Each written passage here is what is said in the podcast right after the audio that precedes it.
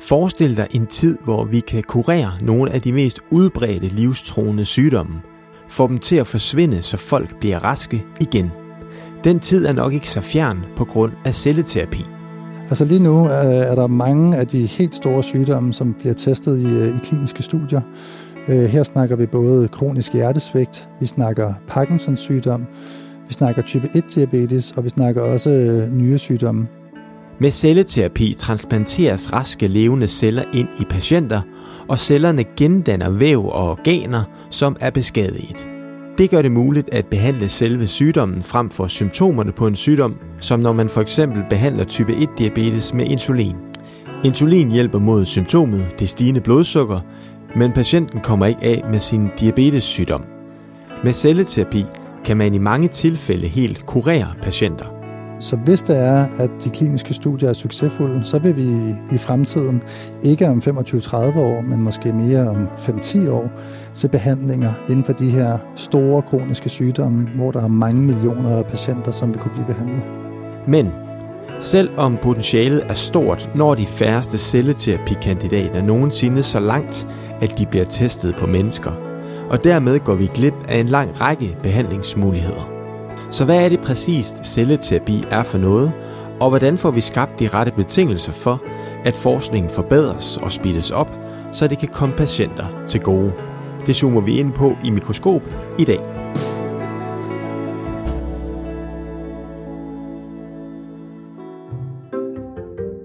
Mit navn det er Thomas Carlsen, og jeg er CEO af Novo Nordisk Fonden Accelerator. Accelerator støtter udviklingen af test- og celleterapikandidater til mennesker. Altså, jeg har altid været en, en, meget interesseret i biologien, og jeg er humanbiolog af baggrund, øhm, og der er vi naturligt interesseret både i cellebiologi, men også den biologi, som omslutter øhm, selve cellerne, men også hvordan man kan bruge det, som naturen har udviklet, og optimere det, sådan, så man kan bruge det som medicin til mennesker. Thomas Carlsen husker tydeligt det øjeblik for nogle år siden, hvor det gik op for ham, hvilken forskel celleterapi kan gøre for mennesker med en alvorlig sygdom. Altså jeg tror, at den største aha-oplevelse, jeg har haft inden for celleterapi, øhm, var en gang, hvor jeg så et klip for øh, et proof of concept behandling af en Parkinsons patient, som inden den her behandling knap nok kunne øh, rejse sig op fra, fra stolen og var meget motorisk udfordret. A team led by Korean scientists became the first in the world to successfully cure Parkinson's disease by using a patient's own stem cells. Men efter behandlingen, hvor personen havde fået øhm, dopaminproducerende neuroner sprøjtet ind i hjernen, og efter behandling så kunne rejse sig op og gå rundt som du og jeg. Der var det virkelig en aha-oplevelse for mig, og virkelig der, hvor jeg tænkte, at det her det kunne være en, en revolution inden for både måden, vi tænker medicin på, men også hvordan det kunne hjælpe patienterne og de pårørende, som er omkring dem. The patient has recovered and is now strong enough to swim and ride a bike. Hvad er celleterapi fortalt i en nødskal? Med celleterapi, der erstatter du celler, som ikke er der, eller du bruger celler til at komme af med celler, du ikke vil have i kroppen, for eksempel i kræft. Er det medicin? Det er bestemt medicin, men det er en ny form for medicin, end vi normalt kender den. Øhm, man kan sige, at celleterapi går ind og angriber årsagen til sygdommen, eller den direkte årsag til sygdommen, i forhold til at behandle symptomerne, som man typisk øh, kender det ved behandling af kroniske sygdomme. Patienter vil typisk mangle en anden form for celler, når det er, de kronisk, øh, øh, eller har kroniske sygdomme. Det kunne være inden for type 1-diabetes. Så mangler patienterne beta-celler. Der kan vi bruge celleterapi til at lave stamceller om til beta-celler og transplantere det ind i patienterne, og derved fjerne deres behov for at tage insulin. Man kan altså transplantere levende celler ind i patienter og erstatte ødelagte eller manglende celler. Og man kan fjerne celler, som er ødelæggende. Men hvor kommer cellerne fra? Jo, der er to primære kilder. Enten tager man cellerne fra patienten selv, hiver dem ud af kroppen og ændrer dem til det specifikke behov, hvorefter de indføres i patienten igen. Eller også kan man bruge en donor, som afgiver nogle celler, der også ændres og som derefter føres ind i kroppen på patienten. I dag der anvendes uh, celleterapi primært inden for, for sårhealing og inden for kraftbehandlinger. Øhm, det er der, hvor der har haft størst succes, um, og det har virkelig hjulpet patienter, som ikke har haft anden form for muligheder i forhold til behandling. øhm, og sikret, at, at mange tusind kunne overleve. Øhm, så det har været de primære områder, og der, hvor det har været, haft størst succes inden for kraftområdet, det har for eksempel været inden for leukemibehandling, hvor det er, at man anvender immunceller, i det her tilfælde T-celler, hvor man kan manipulere dem til at genkende specifikke typer af kræft, så de kan øhm, angribe kræftcellerne og udslette dem. Og det er også det, man kalder CAR-T-cellebehandling. Tager man et kig tilbage i historien, er der flere store opdagelser, som har vist sig at blive kardinalpunkter for, at vi i dag er så langt med arbejdet med celleterapi. Det er egentlig lidt usikkert, hvornår celleterapi egentlig startede. Men i 1818, der øh, var der en britisk læge, der hed James Blundell, som lavede den første succesfulde øh, blodtransfusion på en kvinde, som havde mistet meget blod under fødslen. Øhm, og hvis man sådan skal kigge på det næste store kardinalpunkt, så er vi fremme i 1957, hvor den Nobelprisvindende Edward Donald Thompson, han lavede den første succesfulde knoglemavstransplantation på seks patienter som en del af deres øh, leukemibehandling. Og hvis man går hen sådan i øh, ny, nyere tid og kigger på, hvor man manipulerer celler, så har øh, en speciel form for immuncelleterapi, kaldet CAR-T-celleterapi, været en meget stor milepæl for behandling af forskellige former for kræft, især inden for blodcancer, inklusiv leukemi. I dag er vi så nået dertil, at stamceller, der for eksempel kan komme fra en hudprøve fra dig eller fra mig, kan reprogrammeres til at kunne varetage en ny funktion i kroppen. At vi overhovedet er så langt teknologisk, skyldes en meget vigtig opdagelse i 2006 af den japanske stamcelleforsker Shinya Yamanaka.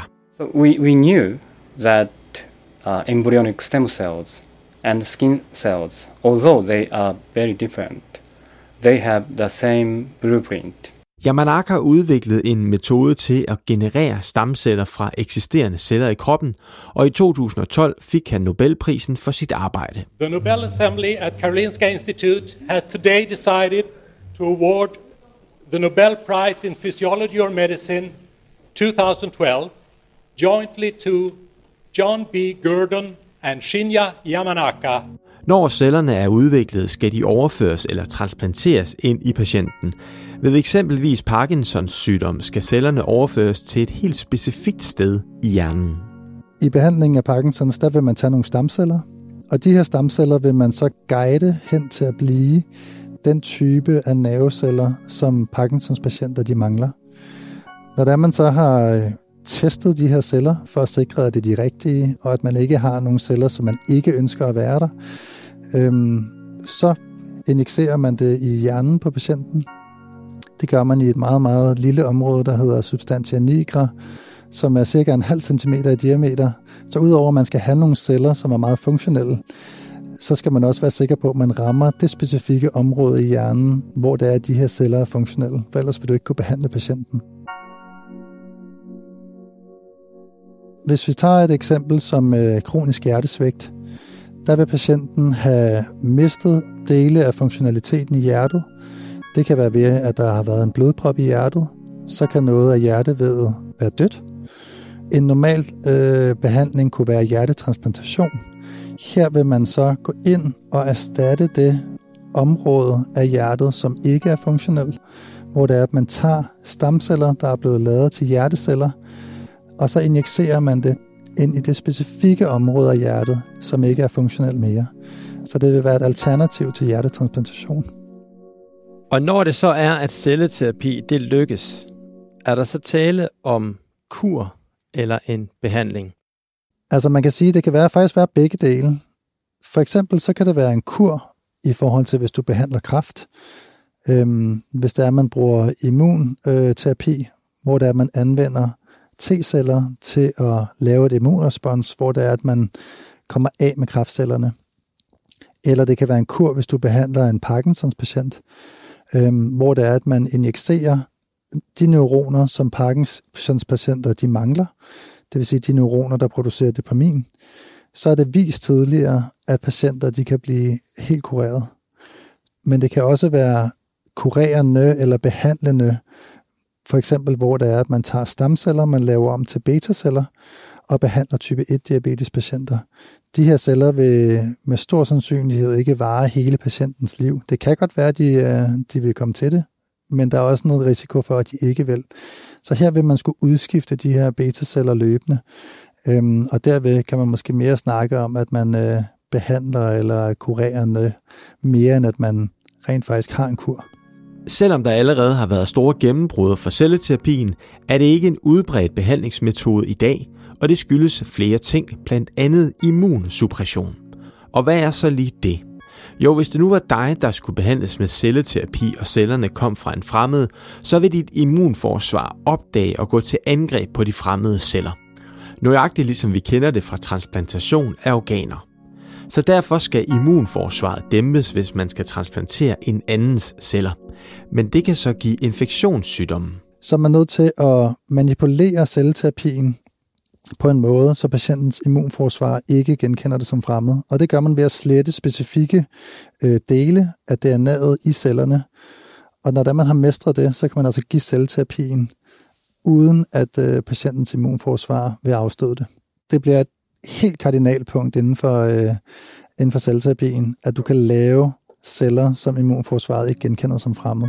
En anden udfordring, der skal løses for at celleterapi bliver en demokratisk behandlingsmetode, som alle potentielt kan få gavn af, er udbredelse. Nogle af de store udfordringer, som der er inden for celleterapi lige pt., det er at producere det i stor nok skala og til nok mennesker. Det er her Accelerator, som Thomas Carlsen står i spidsen for, kommer ind i billedet. Accelerator vil stille de nødvendige faciliteter til rådighed for de dygtigste forskere. Så vi har de seneste år set mange store fremskridt inden for celleterapi i forskningslaboratorierne, og hvor Danmark rent faktisk har været en af de ledende øh, roller inden for, for celleterapis udvikling i verden. Øhm, men udfordringen er, at mange lovende celleterapiskandidater de har svært ved at nå de kliniske studier. Øhm, og det er blandt andet, fordi vi i dag ikke har de nødvendige faciliteter til at kunne videreudvikle og opskalere måden at lave celleterapien og også producere celleterapien til de kliniske studier her i Danmark.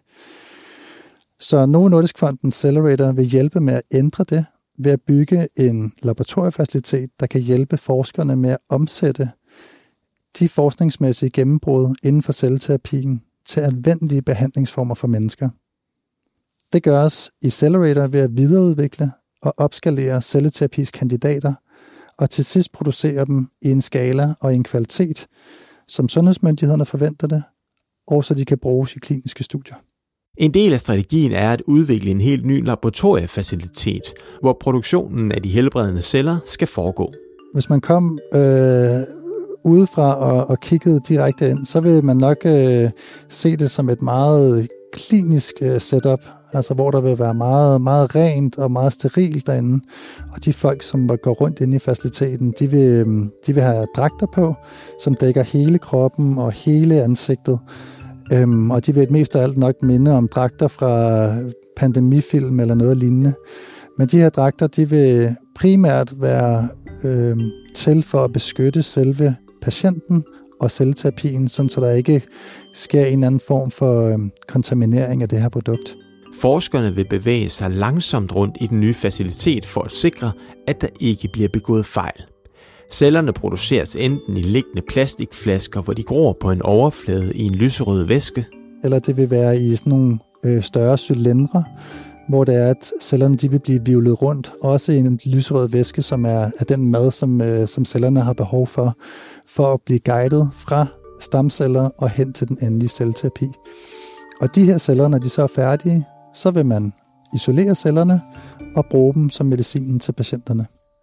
Den nye laboratoriefacilitet forventes at stå klar til brug i 2027, og derefter håber Thomas Carlsen på, at rigtig mange mennesker vil kunne få gavn af behandling med celleterapi. Han håber på, at han i fremtiden vil kunne se, at celleterapi anvendes til at behandle millioner af mennesker for både udbredte, men også de meget sjældne sygdomme.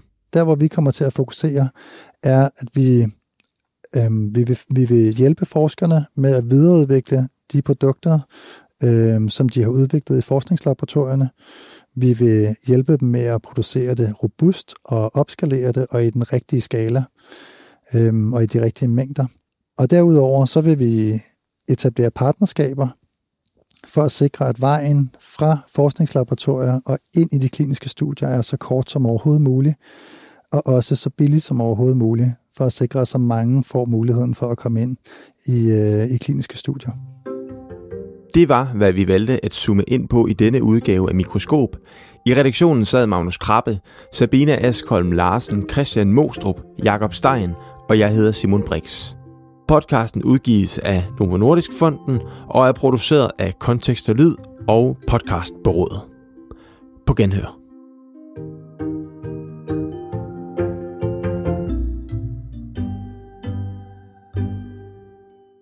Vi har brugt klip fra PBS, Arirang News og mediet KQED.